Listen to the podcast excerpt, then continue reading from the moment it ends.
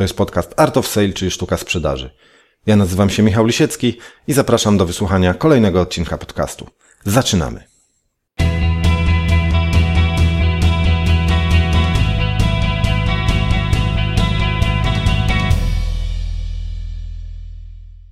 Cześć, witajcie. W poprzednim odcinku podcastu pokazywałem pierwszą część takiego szkolenia, które robiłem jakiś czas temu w Katowicach i w tej pierwszej części mówiłem o y, metodach wpływu na ludzi Roberta Cialdiniego. Dzisiaj prezentuję drugą część tego szkolenia i w tej drugiej części będę mówił o tym, jak powinna wyglądać tak zwana elevator pitch, czyli taka gadka sprzedażowa, którą każdy, kto chce zaprezentować siebie, swoją firmę, swój biznes albo swoją osobę w szybki sposób i taki efektowny, powinien mieć przygotowaną. Także zapraszam do wysłuchania drugiej części szkolenia.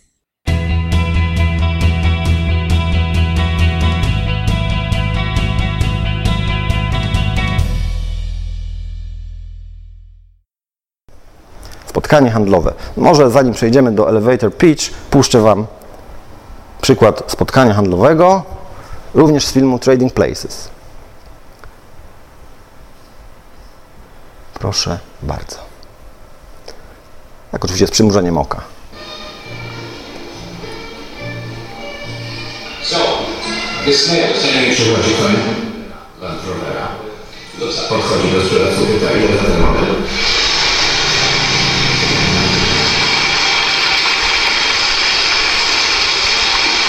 I want a big S. Potem mówi, fotel kierowcy chce mieć na dachu, koniecznie na dachu, bo ma być bardzo dobrze widoczny. Big S. So everybody can see it. Sprzedawca pyta, ale po co to panu? On na to chce, żeby wszyscy mówili, patrz, koń na rowerze. Look at that S car go.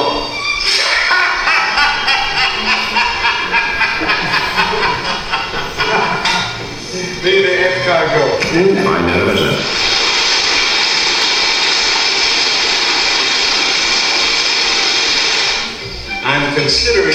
Zamierzam kupić pszenicę z kwietnia. Co o tym sądzisz, Valentine? Dam ci trzy powody, dla których nie powinieneś tego robić, George. Po pierwsze, rosyjskie zbiory pszenicy nie będą takie złe, jak wszyscy myślą.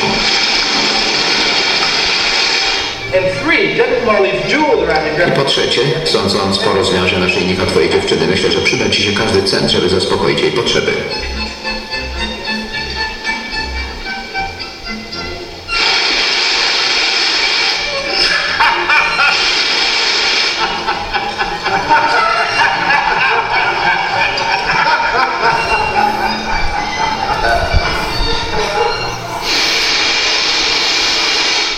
No cóż, w końcu powiedział mu jego własny szofer, że powinien być sobą. I był sobą. Jak widzicie, opłaciło się. Sprzedał takiego, taki tekst gościowi, który tam był jakimś super bogaczem, że przez chwilę wszyscy myśleli, że koniec, że go po prostu pozamiata, że go posieka na kawałki. A okazało się, że trafił. Także czasami warto mieć szczęście. Dobrze, porozmawiajmy teraz o spotkaniu handlowym w kontekście elevator pitch.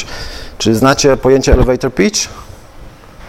To jest, y, niektórzy mówią elevator speech, z czym ja się nie zgadzam, bo to jest elevator pitch, czyli taka gadka, gadka w windzie. Chodzi o to, że y, legenda mówi, że zaczęło się to wtedy, kiedy jakiś młody człowiek, który miał dobry pomysł na biznes, y, spotkał w windzie jakiegoś budynku wysokiego człowieka, który mógł zostać jego inwestorem.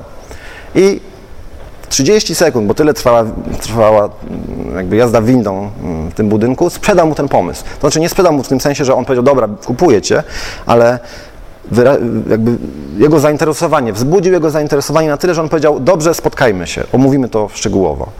I zachęcam Was do tego, żebyście taki elevator pitch sobie zrobili. To, co myśmy tutaj robili na początku, każdy wstawał i się przedstawiał, to było taki pierwszy elevator pitch. To można by tak nazwać, czyli kim jestem, czym się zajmuję, jakie problemy rozwiązuje mój produkt, w jaki sposób to robi. I to musi trwać 30 sekund, nie więcej oczywiście. E, Sprawdziłem e, w dziesięciopiętrowym wieżowcu, takim starym komunistycznym, jazda windą trwa 45 sekund. Więc spokojnie można się zmieścić w tych 30 sekundach. I proponuję Wam, jak wrócicie do domu, żebyście sobie pomyśleli o tym, jak taki elevator pitch dla siebie napisać. Bo to nie jest oczywiście łatwe, to nie jest coś, co robi się od tak, tak? To trzeba przećwiczyć.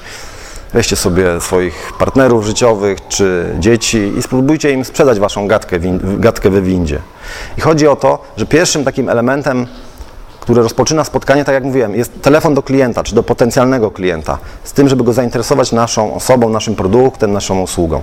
I jeżeli przez telefon, w windzie czy na, na parking. Przepraszam, się wtrącę, jest nie Tak? więcej niż właśnie minuta. Jeżeli mówimy o tutaj przy, przez telefon, żeby klienta zainteresować, mamy dokładnie do 60 sekund, bo, później już- 60 tak. sekund klient nie słucha. Dokładnie. Albo ma, a, jak, a jeżeli będzie słuchał, to on tego i tak nie kupi po 60 sekund. Czyli mamy, czyli zobacz, czyli mamy nawet więcej czasu niż 30 sekund. Znaczy, przy- tak, się- oczywiście, bo tutaj mówimy im krócej, tym lepiej, w tym sensie, że jeżeli będzie to węzłowate, krótkie i takie treściwe, y, nie zanudzimy klienta, bo kto dzisiaj ma czas? Macie wolny czas?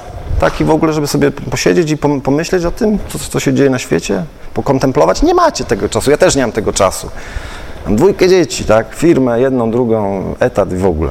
Nie mam czasu. Więc jak ktoś do mnie dzwoni i mówi mi właśnie, zaczyna swoją, swojego pitcha, który trwa bardzo, bardzo długo i ja po prostu, tak jak mówisz, ja po prostu później już nie chcę go słuchać. Już mnie to nie interesuje.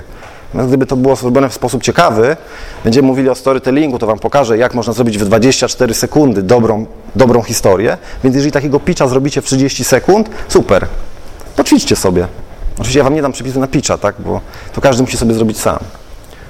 Natomiast y, poszperajcie w internecie, oglądajcie filmy, bo w filmach bardzo często jest, tam oczywiście są rozmowy idealne, to są dialogi napisane przez, przez wybitnych scenarzystów, często, gęsto, ale to są dialogi idealne, można je czasami jeden do jednego przenieść do swojego życia biznesowego i można je wykorzystać. Czyli mamy elevator pitch jako pierwszą, pierwszy element spotkania. Czyli teraz mamy spotkanie, siedzimy z klientem. Jak oszacowano i obliczono, mamy perfumy Chanel numer 5, czyli słynne perfumy tam używane przez Marilyn Monroe między innymi. E, 70% wartości czy ceny tych perfum to jest opakowanie, a tylko 30% to jest woda, ta substancja zapachowa i tak dalej, te wszystkie rzeczy, które składają się na perfum. E, I wyobraźcie sobie siebie na spotkaniu jako taki perfum, że musicie sprawić, żeby wasze opakowanie przyciągnęło klienta. Czyli tutaj znowu wchodzimy na regułę y, autorytetu, musicie wykazać się jakimś, y, musicie wyglądać, tak? Musi być opakowaniem. Musicie wyglądać, przemawiać i zachowywać się tak, żeby ten klient powiedział, o, to jest ekspert, jakiego szukam. To ciekawe, co on mówi, widać, że zna się na rzeczy, zresztą widać, że nie jest to człowiek y, wzięty z ulicy, tylko tutaj to jest ktoś, tak? Bądźcie takim perfumem dla swoich klientów.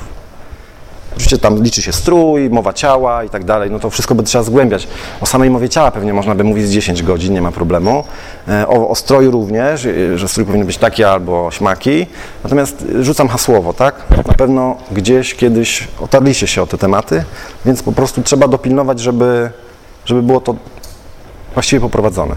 Żeby wasze opakowanie sprawiało, że ktoś chce otworzyć ten Chanel numer 5 i kupić go za te grube dolary.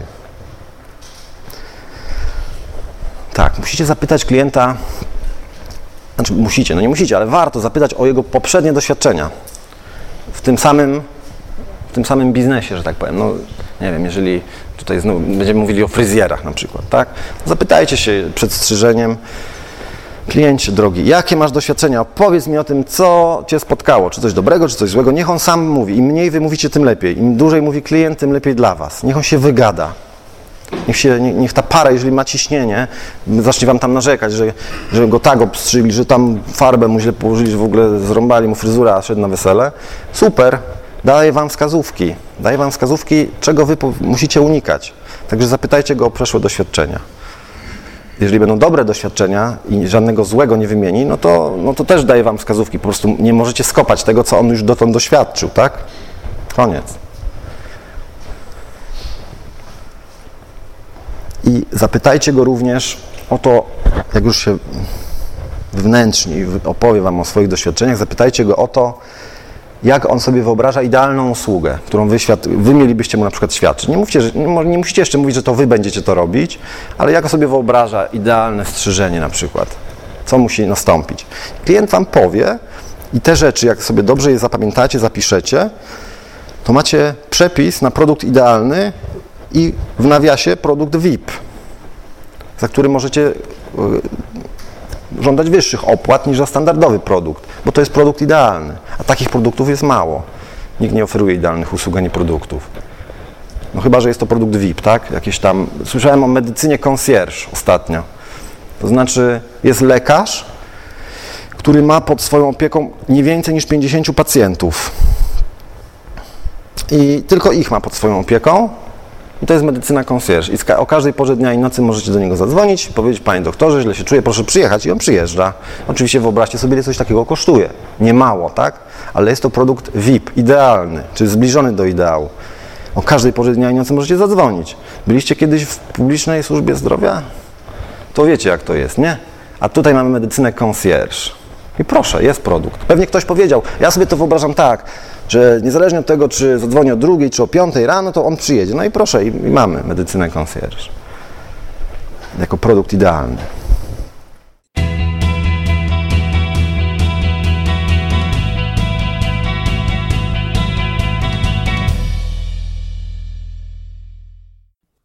Okej, to by było na tyle na dzisiaj. Dziękuję wszystkim za wysłuchanie tej drugiej części szkolenia. No i oczywiście zapraszam na kolejną część w następnym podcaście. Do widzenia mówi Michał Lisiecki. To był podcast Art of Sale, czyli sztuka sprzedaży. Do usłyszenia następnym razem.